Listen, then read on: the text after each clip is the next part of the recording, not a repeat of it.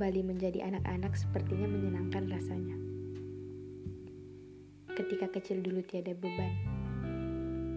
Untuk berkenalan dengan seseorang, tidak perlu takut dengan rasa canggung. Tidak ada peperangan dalam hati sebelum mendekati dengan orang yang dikenal. Bertengkar bukan karena siapa yang dia menang, tapi karena siapa duluan yang bisa jawab pertanyaan guru agar bisa pulang lebih dulu. Menangis bukan karena kegagalan, tapi karena tak diizinkan untuk bermain. Namun, seiring berjalannya waktu, badan pun mulai membesar. Pemikiran juga semakin dewasa. Pemikiran orang dewasa tidak semenyenangkan pemikiran anak-anak. Pemikiran orang dewasa terlalu banyak pertimbangan.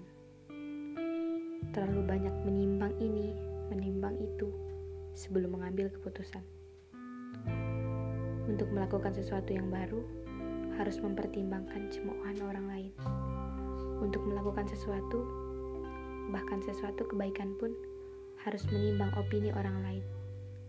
Takut dibilang pencitraan.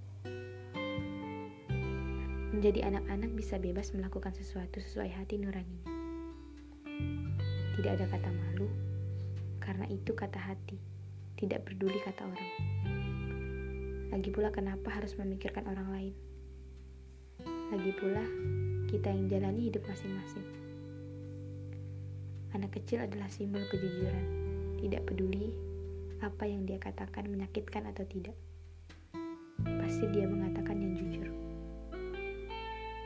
Coba, kapan terakhir kali kita mengatakan perasaan kita tanpa peduli perasaan orang lain?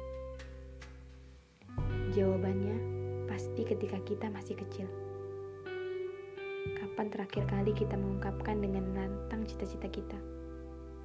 Jawabannya pasti sama. Ketika kita masih menjadi anak-anak. Beda ya, ketika dewasa kita terlalu banyak memikirkan hal-hal yang buruk yang sebenarnya belum tentu terjadi. Hasilnya, kita harus mengubur mimpi kita dalam-dalam.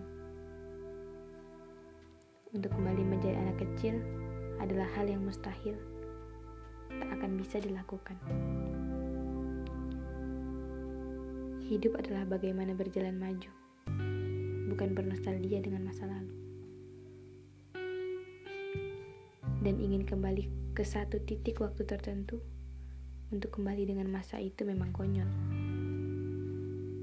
Tapi kita masih bisa menghidupkan mimpi-mimpi kita daripada harus menyingkirkannya.